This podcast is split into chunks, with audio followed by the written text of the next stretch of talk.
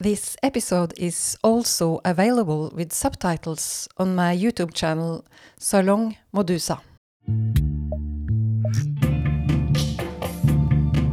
Salong Modusa, en podkast om det gjenstridige rusfeltet.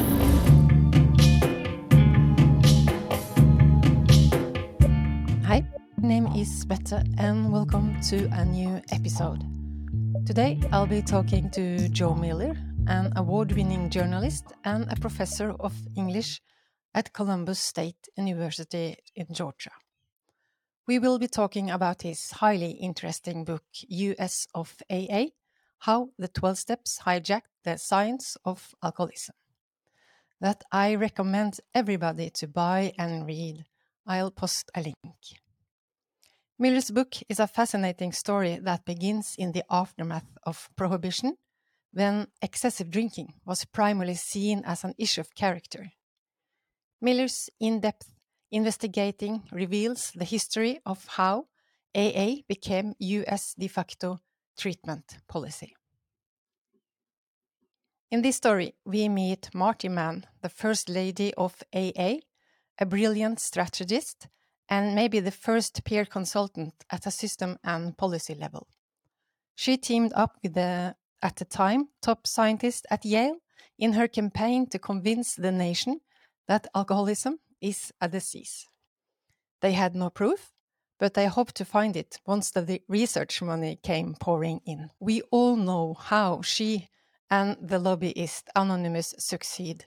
The 12 steps narrative of addiction as a chronic and spiritual disease, and that the 12 steps represent the true and only way to recover, is deeply rooted in the US culture. In this process, in spite of that the program doesn't work for an overwhelmingly majority, the 12 steps movement, movement has suppressed more effective alternatives. And as a result, those who suffer the most in US often go untreated. Among several interesting people, we also meet Dr. William Silkworth from the Big Book chapter The Doctor's Opinion, and of course, Elvin Morton Jellinek, an important person for AA future impact. Welcome to my podcast, Joe Miller. Thank you for having me. I found your book truly interesting. I hadn't heard anything about Marty Mann or her campaign before, only that only about Bill and Bob as the founders of AA and the 12 step movement, and that the movement grew out of attraction on one alcoholic helping another not propaganda stretching over decades. Before we dive into your book, I'd like to ask you why you are interested in AA's history. Why did you want why did you want to write this book? Well, I, I have some personal history with it. I had been in AA for a number of years, a number of different times, and uh, kept being told that that was the only solution that was available. And this is for many years, dec- uh, more than a decade. And then finally, I just started researching it more. I was actually going to do a memoir about my struggles. And uh, in the process of that, I discovered that there's this, this fascinating history. Well, in the process of that, I discovered that there were medical uh, treatments uh, and other treatments besides AA that were available and had been available throughout the entirety of my time struggling with the problem. So that sort of triggered my journalist switch and made me want to investigate why is this that these were available? I'd never heard about it. The aa movement suppressed alternatives all the way. As you wrote marty mann claimed that first-hand experience with the problem was paramount and trumped science. She was very harsh to people who said uh, different from her. Yes absolutely. And and her followers too even after after she passed away. When a new treatment would get some attention in the in the media true believers, if you want to say, in AA would fight against the information about it getting out. But Marty Mann, you're right about Marty Mann. Uh, she is a really fascinating character. I, I didn't expect to see that kind of a character in this history. Maybe we should start from the beginning mm-hmm. because mm-hmm. not all my listeners sure. know anything about AA or the 12 steps. They just know there is a self help program and that it's supposedly highly effective. I was told that Bill Wilson invented AA, that this 12 step came to him in a, in a hot flash. In, in a way, that was part of it. Bill Wilson was an alcoholic, severe alcoholic, and struggled with it for many years and uh, tried what treatments were available at the time. And at the time, there would be these sort of drying out clinics. Usually, people with a little bit more money would be able to check into a clinic, and it's kind of almost like an asylum or sort of for, you know, temporary for people to dry out and go through withdrawals and that sort of thing. And while in one of those clinics, he was given a, a psychedelic drug treatment, belladonna, and the kind of the combination of that and his withdrawals, his delirious delirium tremens, he saw great white light, realized that there could be a spiritual cure. And that was part of the impetus that got it started. But of course, AA had many more players than just Bill Wilson.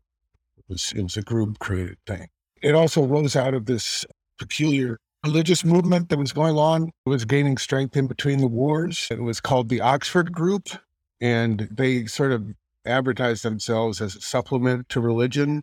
And they had, I believe, a five step process by which to achieve spirituality that they were purporting. And uh, they they prescribed to a doctrine in which God is to have control over everything, and humans are struggling because we're trying to control things and can't control things. So that sort of foundation was later translated into the 12 steps of AA and its basic spiritual principles. So it's kind of a combination of all those things at the same time. This undistinguished Dr. William Silkworth that you write about, it was him that learned Bill and the AA movement how they should interpret and explain to others their so called first hand experience with this so called disease. He's another very interesting character.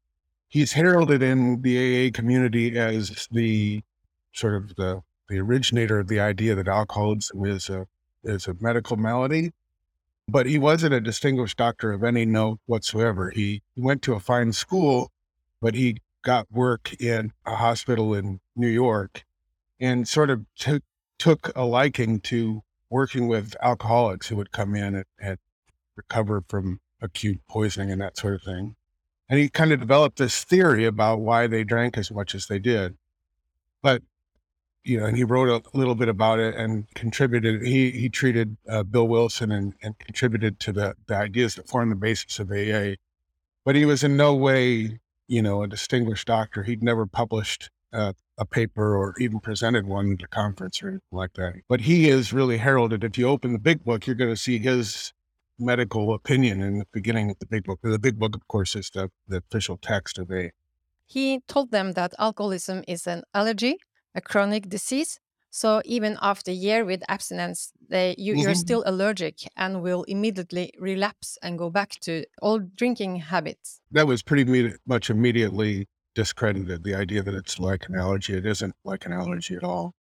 But they still hold to that opinion. So there were Silkworth disease model and this Oxford group's notion that the reason people struggle is because they try to control things they can control. We must therefore confess, surrender, and let God be in control over ev- uh, everything. Yeah, kind of those two forces came together in Bill Wilson's story, and uh, he found sobriety and he started working with drunks, and and uh, the movement emerged out of that. In the early days, they tried to help a young guy to get sober without any luck. So, so they became to believe that you have to suffer a lot before you are ready. He, he was too young and hadn't suffered enough yet to get sober. If I were to levy a criticism against the AA model, that that's a particularly problematic part of it. This belief that you have to drink and drink and drink until your life is basically destroyed before you're ready to accept both the spirituality that's part of the cure and also the the complete abstinence. Whereas other models that show the disease or as a disorder more as a disorder than a disease takes the approach that there are a lot of different ways to to approach and and findings are that more of a harms reduction approach early on in the process of the the art the trajectory of the malady can reduce that quite a bit. The other way, this idea that you have to drink until you, you suffer until you hit a bottom, in some ways could be seen as a license to well, I'm not ready to quit, so I might as well just drink as much as I possibly can now, because that's what I'm supposed to do as an alcoholic. So, yeah, and that really was pushed. Um, you had mentioned Marty Mann before. She really pushed that narrative in her her public relations campaign to get people to understand alcoholism. Um, we'll talk about her a little bit more further on, but she's served, for instance, as a consultant on a number of films and TV shows and sort of really presented this model. And the characters in these shows would go to, uh, you know, to near death lengths before they were ready to, to, to give sure. So that narrative became a kind of stuck in the public mind. So if you don't succeed with the 12 steps, it's because you haven't suffered enough. You're not ready to be completely honest, uh, surrender and, embra- and embrace, embrace the program. That's right. That's very dangerous. It is. I, I agree. So your your book look like this Hey, now, boy, you've got it all marked up. That's great. but we don't have time to go uh, through it all. So I will try to big, uh, give the big picture, and of course recommend everybody to read your book. Uh, writing the big book, I didn't know that the big book first was for commercial sale to get money and to spread the message. I always thought that the big book was an exclusive book for AA members.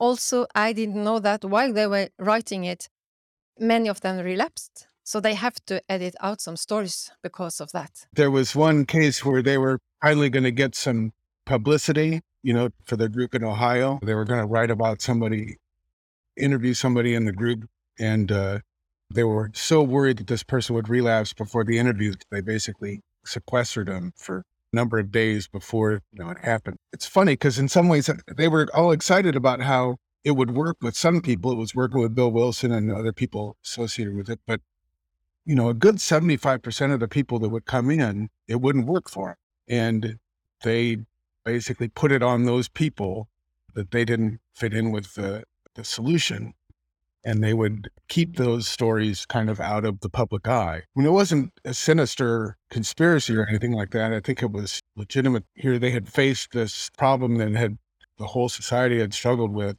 What do we do about problem drinking and that sort of thing?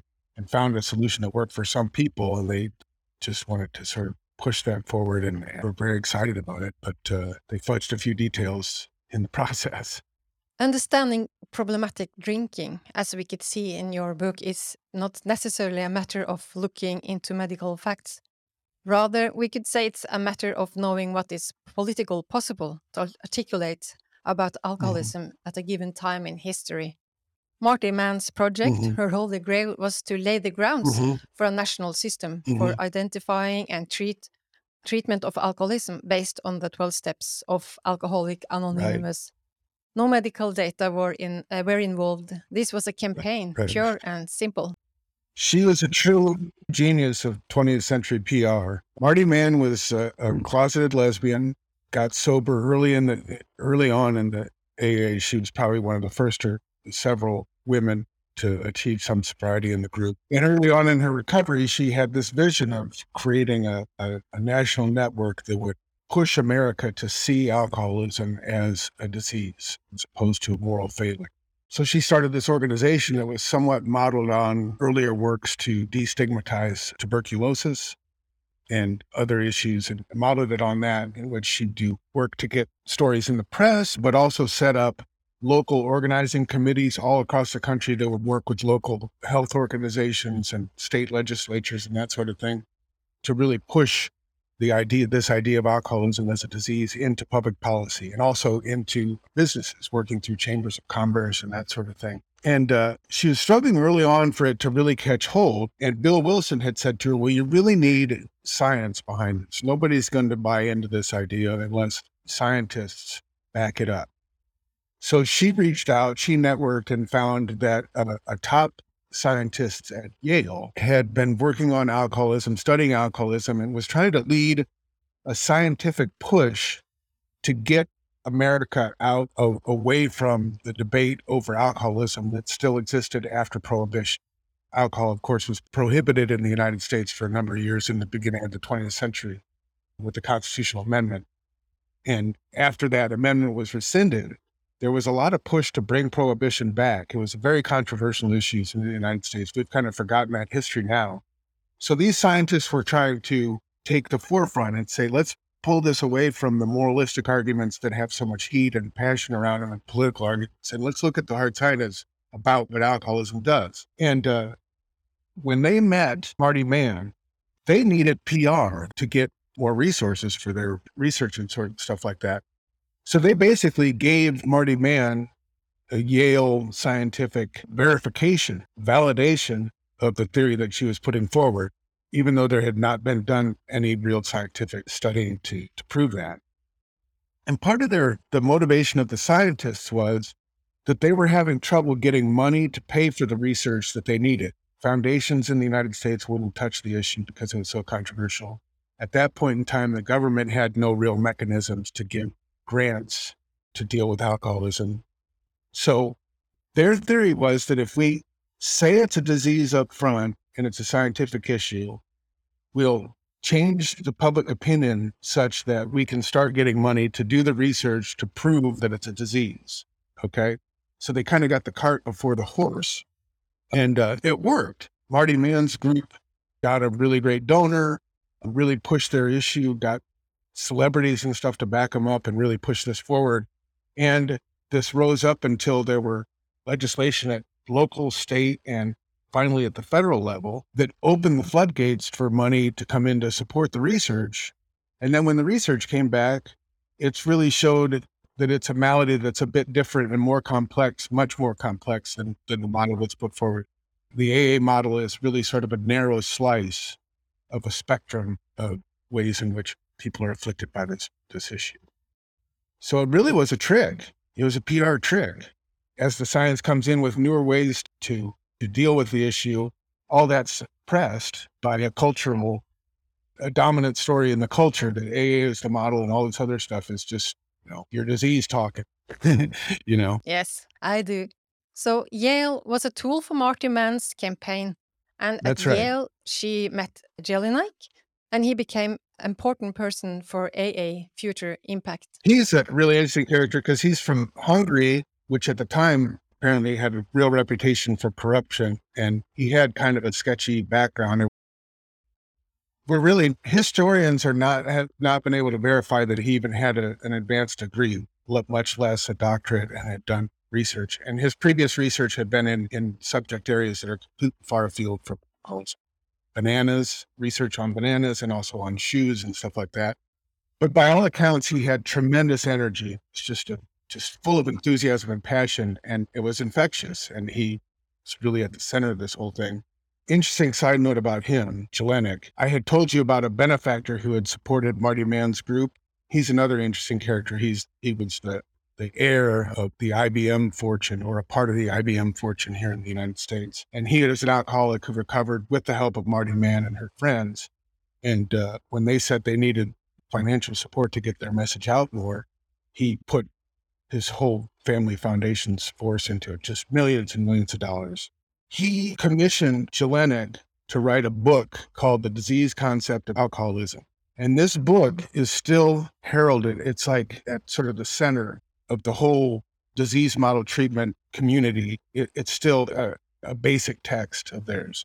But if you read the book, it is it's basically like a long philosophical semantic exploration into the semantics of the word disease. And it basically says a disease is whatever doctors say is a disease. So again, it's like kind of a trick at the center of it. And later, when that book was used in a Supreme Court case codified whether or not alcoholism is a disease, the attorney arguing for the disease concept read the book and thought it was completely worthless and unhelpful. One treatment history scholar has described it as the most cited and least read book in the whole issue of AA. That's so interesting.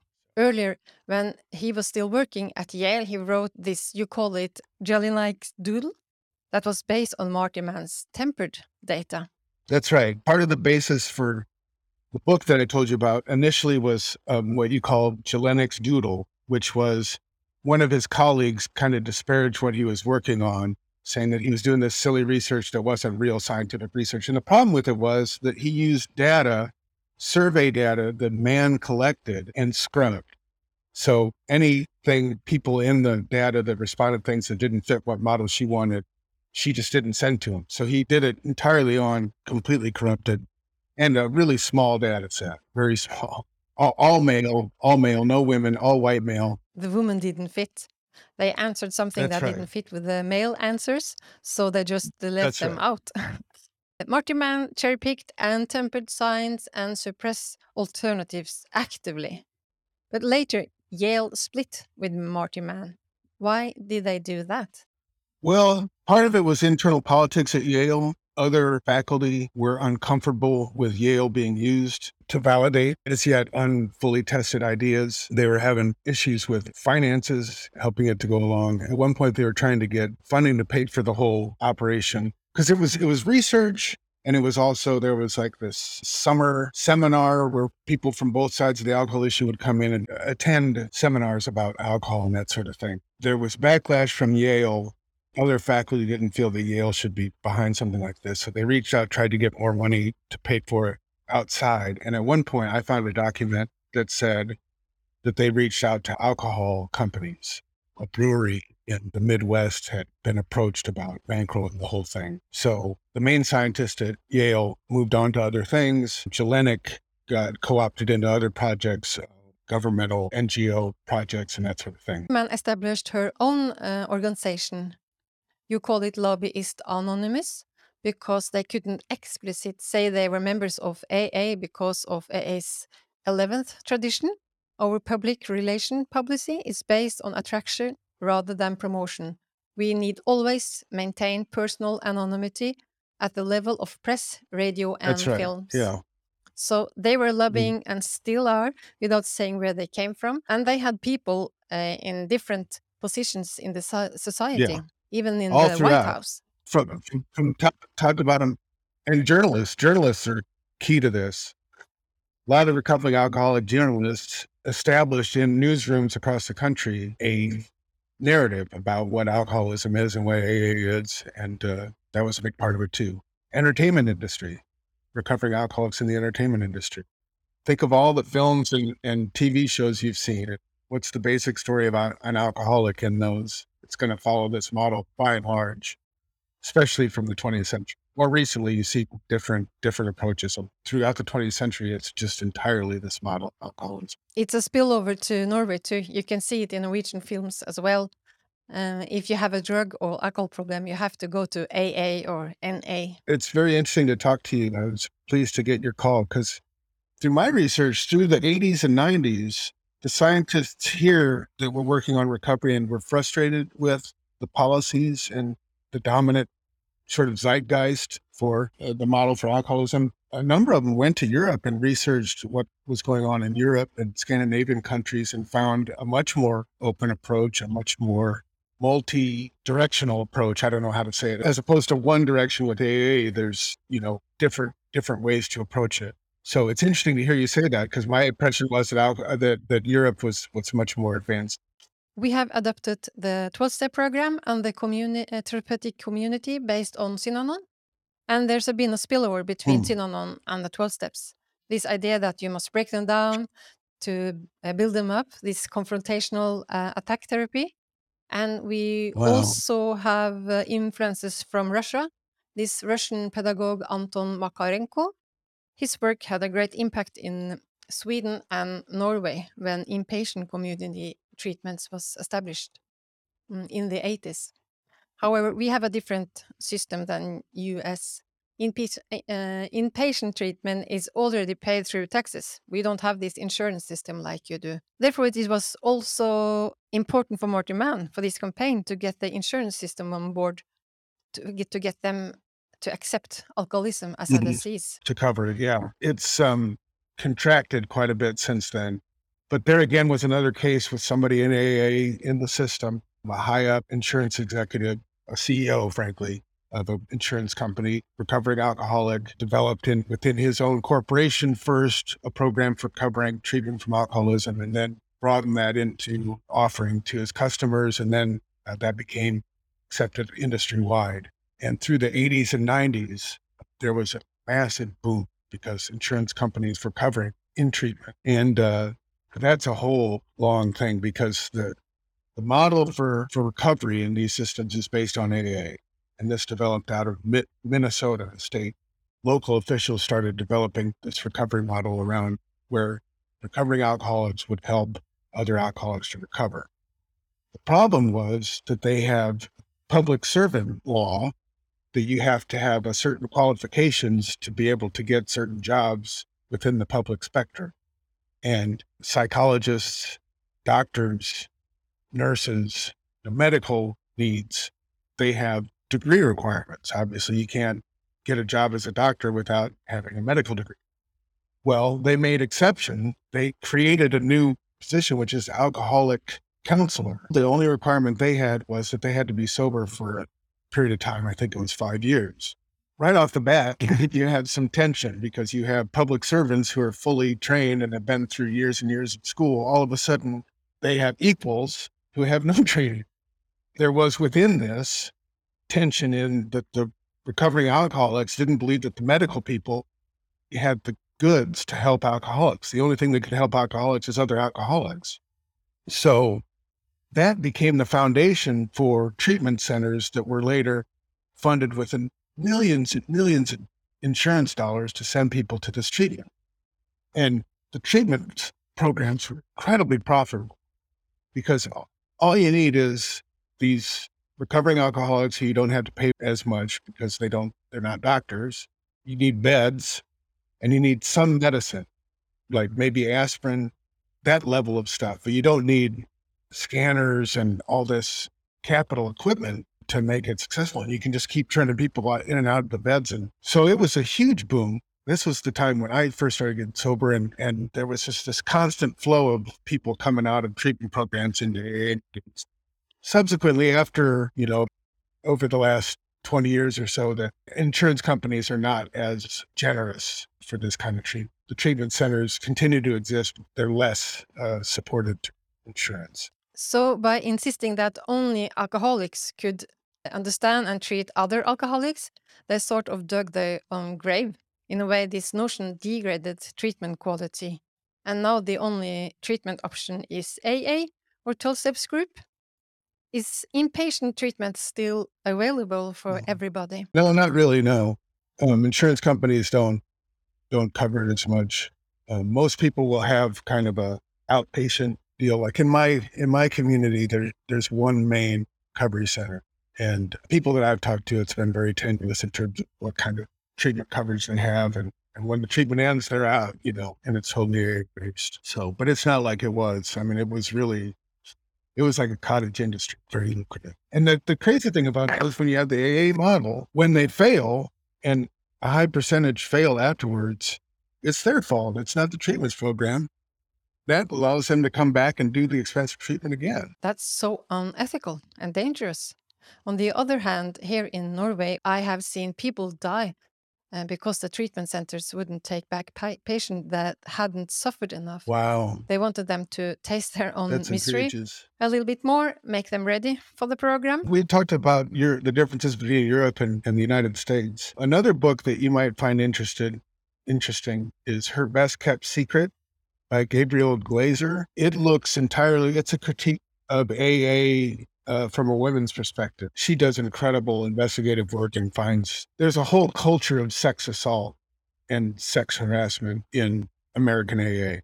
There's actually a term for it called the 13th step, which is older, more experienced members preying on new new members for sex. She really pushed it and found that American AA has been stubbornly has stubbornly refused to address this issue because they they adhere to their traditions that we don't get involved in outside issues and that sort of thing.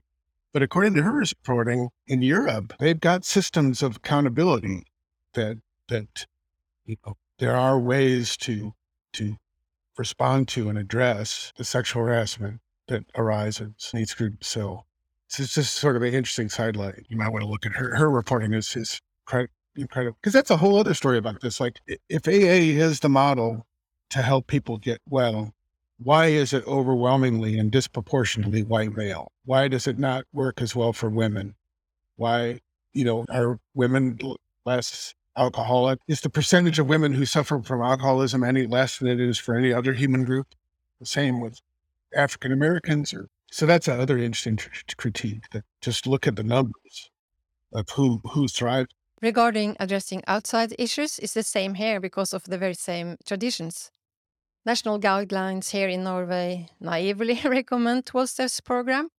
the because the only stories you hear about is the success stories never about all the people who is left worse. Okay, we are running out of time. So back to Marty Mann. She's making it all the way into the White House with her campaign. Yeah, she wrote telegrams to the to the president of the United States at the time, Lyndon Baines Johnson, and Johnson responded by calling out alcoholism as a disease in one of his uh, speeches to the full Congress. And uh, also, she became partner with a senator named Harold Hughes, make sure I have that right. Harold Hughes, I think. It's been a while since I've written the book, but a senator from Iowa who was a recovering alcoholic himself, and he pushed through this legislation, commandeered this legislation through through Congress that basically created a whole new branch of the National Institutes of Health that deals with alcoholism and alcohol abuse.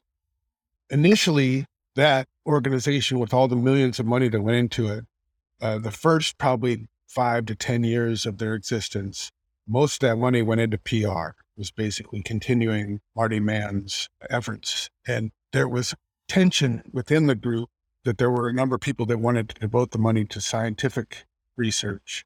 And the AA group wanted more for PR. Uh, so for the first about 10 years, just millions and millions of dollars put into the campaigns to push this model. Nixon was the president at the time and he was opposed to it. So he held the funds back for a long time until the Supreme Court made them release the funds. So all of once there were hundreds of millions of dollars just flooded into the industry. But in time, starting with President Carter and then really, really with President Reagan, pressure was put on the organization to really move the focus more toward research.